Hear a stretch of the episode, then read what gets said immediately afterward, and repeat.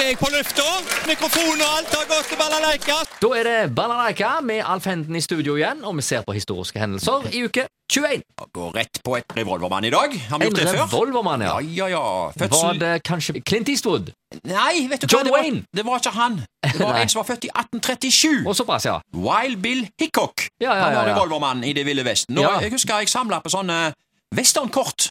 Samla på deg før jeg begynte å samle på fotballkort. Oh, ja. og, og eh, der var det masse sånne gamle westernhelter og skurker og, øh, om hverandre. Ja, Og Wild Bill Hickok han var viktig å ha i samlingen. ja nettopp. Ja, det var han.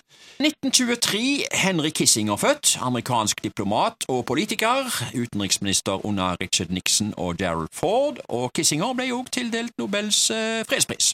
Eh, på 70-tallet så kom hun Liv Ullmann i søkelyset, eh, sammen med Henrik Kissinger. Eh, de spiste jo en middag på, en berømt, på et berømt hotell i USA, og dette ble det jo bild, tatt bilder av. Og ja, var det bare en middag, eller var det en date? Det var Liv det. Ullmann sier det var bare en middag. Ja, ja, Skal ja. vi, tro- vi tro på det? Men altså, hvis du spør uh, andre enden her, holdt jeg på å si Hvis du spør Kissinger, du kan så- spørre han ennå, han er blant oss. ja, ja, ja. Så kanskje du får et annet svar. Kanskje. Men han var jo en diplomatisk type, da, så jeg vet ikke. Nei. Hendelser internasjonalt. Eh, 1703. Tsar Peter den store grunnlegger St. Petersburg. Eh, og i hans periode som tsar så satte han store spor, det kan du si. Peter den store moderniserte hæren og opptrådte som reformator. Eh, St. Petersburg ble vinduet mot eh, Vesten, og han innførte også fransk språk og vestlig klesdrakt ved hoffet. Eh, Ja, Så kom en morsom kuriositet her. Det ble forbudt å ha skjegg, med mindre en betalte skjeggskatt. Oh, ja. Det var jo veldig pussig. Eh, Skjeggskatt, ja. ja. ja. Det var òg en måte å få en ekstra penger i statskassen på. Ja, det var originalt. Kreativt. Vi går helt til 2005. Big Ben får stans i tårnet fredag 27. mai. Klokka, da, som ble innvia i 1859, stanser opp og går på kvelden. Og de lurte jo på hva som var skjedd. Han var jo stoppet i en time og to. Eh, Det ble referert til at det var jo den varmeste dagen i London siden 1953, og at det kanskje var derfor plutselig den slutta å gå. 2005, altså. En sjeldenhet at den eh, Big Ben har stoppet, men det gjorde han altså i 2005. Vi hva som på kino i uke 21, og da er det 1967 denne gangen. På festiviteten, en store film, Broen over Kvai. Det var jo en film som var egentlig ti år gammel på den tida. da. Eh, hovedrollene var William Holden, Alec Guinness og Jack Hawkins. Filmen varte to timer og 40 minutter, som var ganske mye på den tida der, eh, men en veldig populær film. På 1967 gikk, eh, eh, på Håndverkeren der gikk filmen Overfall på Queen Mary, en film med Frank Sinatra i hovedrollen. Ja. Og så skal vi til 1973. Haugesunds Avis hadde et oppslag om fritidsklubben Melis. Snart et halvt år er gått siden ungdomsklubben Melis begynte sin virksomhet i Haugesund. I dag har Melis vel 100 medlemmer i alderen 14 til 18 år, de fleste hjemmehørende i Austmannaveien og Svehaug-området. Hver mandag står dørene åpne til spiserommene i andre etasje på Ford-senteret åpne for disse ungdommene. Ja, Melis var tidlig ute eh, med ungdomsklubb, og det var en annen òg på Bakerøyen som heter Guff. Ja, stemmer det. Eh, Ja, ja, ja, ja. De har til og med Guffeliade. Det var vel aldri Melisiade, men uh, uansett, det var, uh, allerede på den tida uh, ungdomsklubber, altså. 1992. Overskrift i Haugesunds Avis. Reine trakk seg under kampen. Oh, ja. Eller helt korrekt, han trakk seg i selve pausen, faktisk. Ja, det. Jeg skal sitere videre her. ja. Hauga lå under 0-5 etter en halvtime spill mot Ålesund i går. Da orket ikke trener Paul Reine være med mer. Da spillerne kom slukøret inn i garderoben ved halvtid, fikk de følgende beskjed.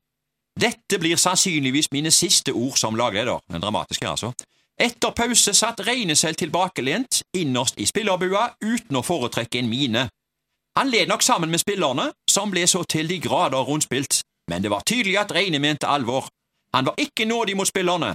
Det finnes ikke holdning hos spillerne. Når de gir slik til de grader blaffen som i dag, så orker jeg ikke mer. I hele forrige uke har jeg hatt seks-sju spillere på trening, og mot Ålesund måtte jeg bruke spillere som ikke skikkelig er trent engang.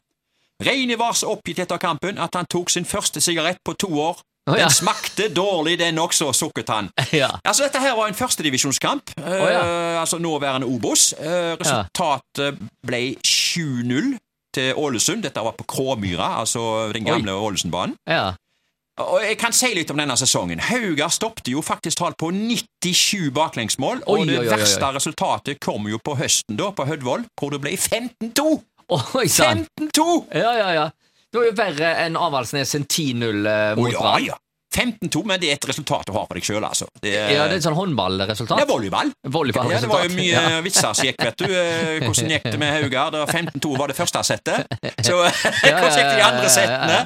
Men det, det ble så mye bråk om dette eh, at eh, Ja, Paul Reine hadde som for lengst trukket seg da. Han trakk seg som kjent her i Ålesund. Det er faktisk mange som tror at han trakk seg på Hødvoll. Ja. Men han, han trukk seg for lenge siden. Han, kampen mot Ålesund gikk i slutten av mai, og, og eh, den Jeg skjønte at det var ikke håp for dette laget. Nei, den på Hødvoll gikk på, eh, gikk på uh, langt utpå høsten. Ja. Eh, han, eh, Tor Martin Hegrenes uh, sto i mål for Haugar, og jeg var på Hødvoll noen år etter dette her. her. Eh, og Da var det en eh, Hødd-supporter som husker veldig godt kampen. Han husker kampen for uh, flere ting. Geir Hasund skåra åtte mål for Hødd. Og så husker han at de to fineste målene skåra Haugar. Og så husker han keeperspillet til Hegrenes, som var helt fantastisk. Han tok nesten alle skuddene, det vil si 15, da. gikk, inn. Ja. Så, og jeg var litt inne på dette med vitser, og det var jo en, en vits som gikk der Eller gåta, gåte, da.